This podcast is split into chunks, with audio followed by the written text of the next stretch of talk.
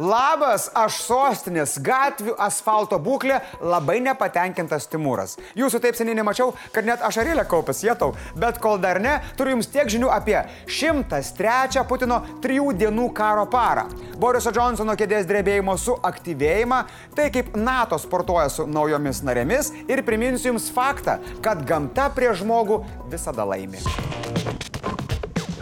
Jau 103 Putkos trijų dienų karo para. Ukrainos generalinis štabas pranešė, kad ryškių pokyčių Volynės ir Polesės regionuose nėra. Baltarusijos pasienyje su Ukraina Rusija bando sutelkti karinius dalinius, o rusų padugnės toliau apšaudo Ukrainos gyvenvietės ir vykdo polimus. Donetsko kryptyje rusai vykdo apšaudimą palei visą fronto liniją. O kad visiems rusų besibaigiančių pajėgų šturmams sektųsi praščiau, švedai Ukrainai siunčia šūsnį ginkluotės. Švedija ketina dar pervesti beveik 6 milijonus eurų į NATO įsteigtą fondą Ukrainos ginkluotosioms pajėgoms. Tik gerbiami švedukai, aš priminsiu, kad eurai nešaudo, reikia realių ginklų ir daugiau. O Ukrainos paėgos ginklas naudotas tikrai moka. Ukrainos kariuomenė patvirtino, kad sėkmingai demilitarizavo dar vieną Rusijos generolmajorą. Romanas Kutuzovas buvo prigautas rytinėme Donbaso regione. Kaip jums ten sekasi, generolmajorė? Klausiu, kaip sekasi. Ai, sako, ten geriau negu rusų pasaulyje. Nu, jum geriau žinot. Nuo karo pradžios Ukrainoje žuvo apie 10 rusų generolų. Na, denacifikacija vyksta vo. Na, o kad ukrainiečiams kovoti būtų dar drąsiau, jų įkvėpti, į Donbasą atvyko prezidentas. Ne, ne mūsų, o Vladimiras Zelenskis. Jis apsilankė viename iš fronto karštųjų taškų Lysičenskė, kur ukrainiečių pajėgos tebesipriešina rusų kariuomeniai. Taip pat apsilankė Bahmute. Juda reikaliukai ir diplomatinėme fronte. Turkija tikisi sprendimo dėl grūdų eksporto iš Ukrainos jūrą artimiausiomis dienomis. Tiesa, net ir sudarius susitarimą, prireiks maždaug penkių savaičių, kad būtų galima pradėti šią operaciją. Tuo tarpu pranešama, kad Ukraina, Turkija ir Rusija jau susitarė dėl grūdų eksporto iš Odesos. O kiti geri Ukrainos draugai Junktinė karalystė paskelbė, kad Ukrainai padovanos tolimojo nuotolio raketų sistemų, o tokios dovanos verčia senelizą Putiną į stalą kiptis dar stipriau ir taip suvokti, kad net ir caras yra paprastas mirtingasis. Jis pranešė, kad jei Kyivai bus tiekiama ilgojo nuotolio raketų, Rusija panaudos savo ginklus smūgiams į taikinius, kuriems anksčiau dar nebuvo smogta. Palaputka, o tai kas dar liko? Ligoninės, mokyklas, gyvenamosios namus, nu, visą civilinę infrastruktūrą jau daužiai, strateginė su karinė irgi jau atbombinta. Nu tai kas lieka? Putkos bunkerisgi dar nesprogdintas. Nu davai vieną. Na, o kad jau prabilom apie verkiančius ruskelius, dar viena gera naujiena.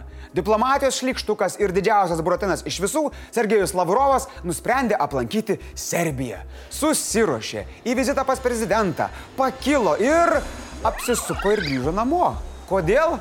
Nes Bulgarija, Juotkalnyje ir Šiaurės Makedonija karo nusikaltėliai uždarė savo oro erdvę. Nu dabar Lavrovas Serbiją pamatys tik per kokį, nu, YouTube.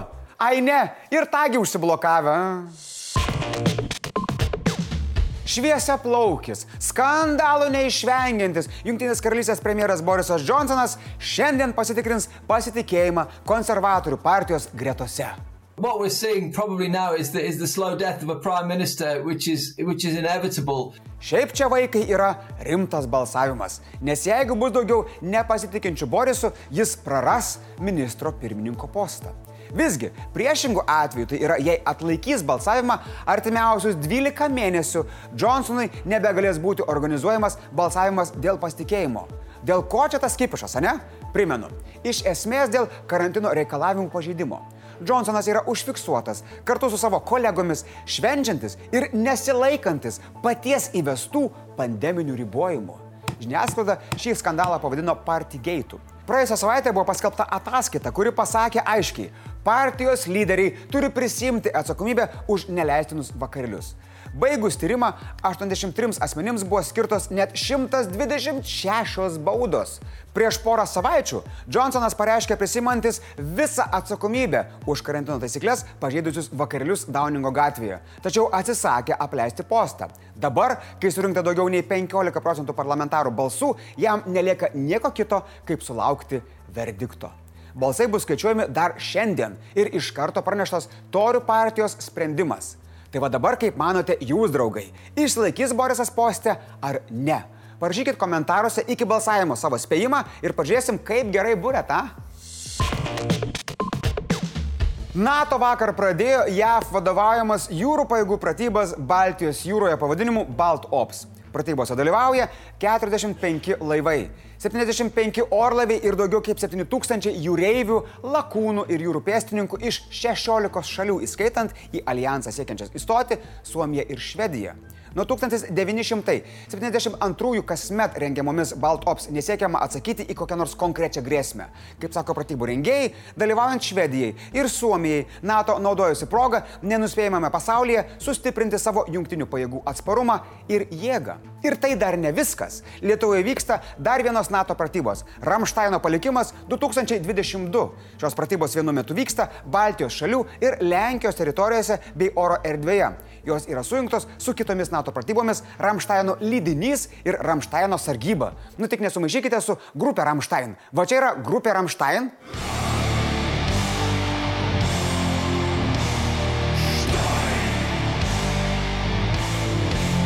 O va čia pratybos Ramštain Legacy 2022.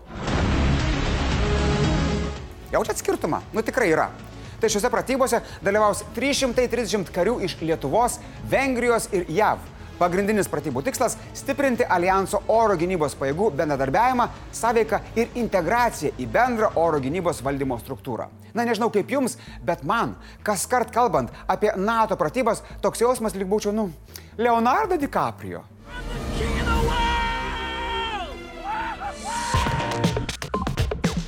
Rusijos karas Ukrainoje yra ne vienintelė grėsmė pasauliui.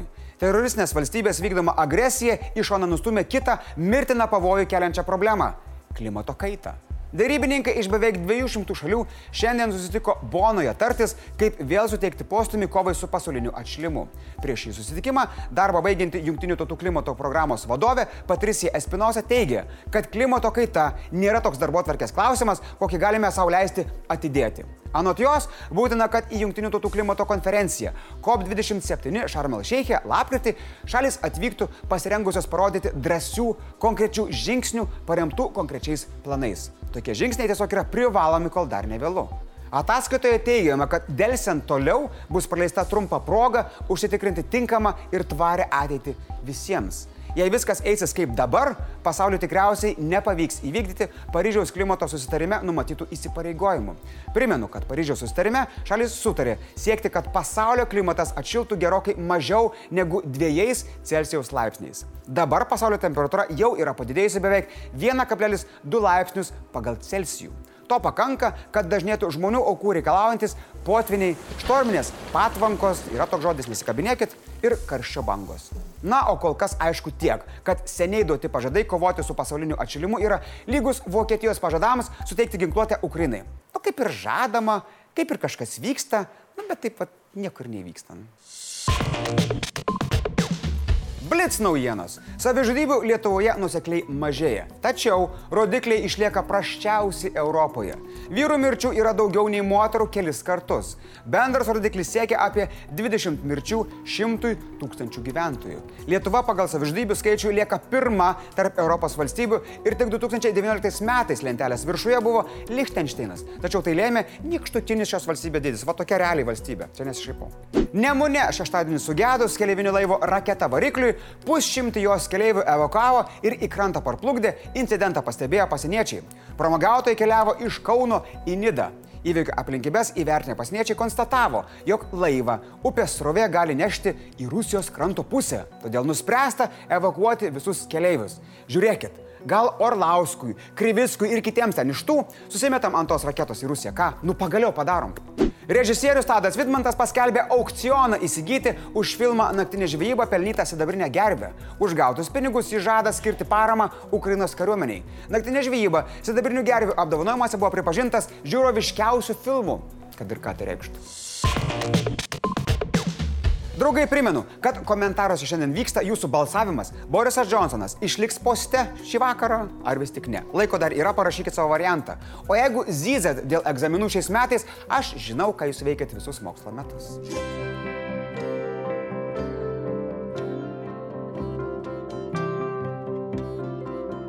Šiandien tiek ryto čia irgi būsiu aš. Iki.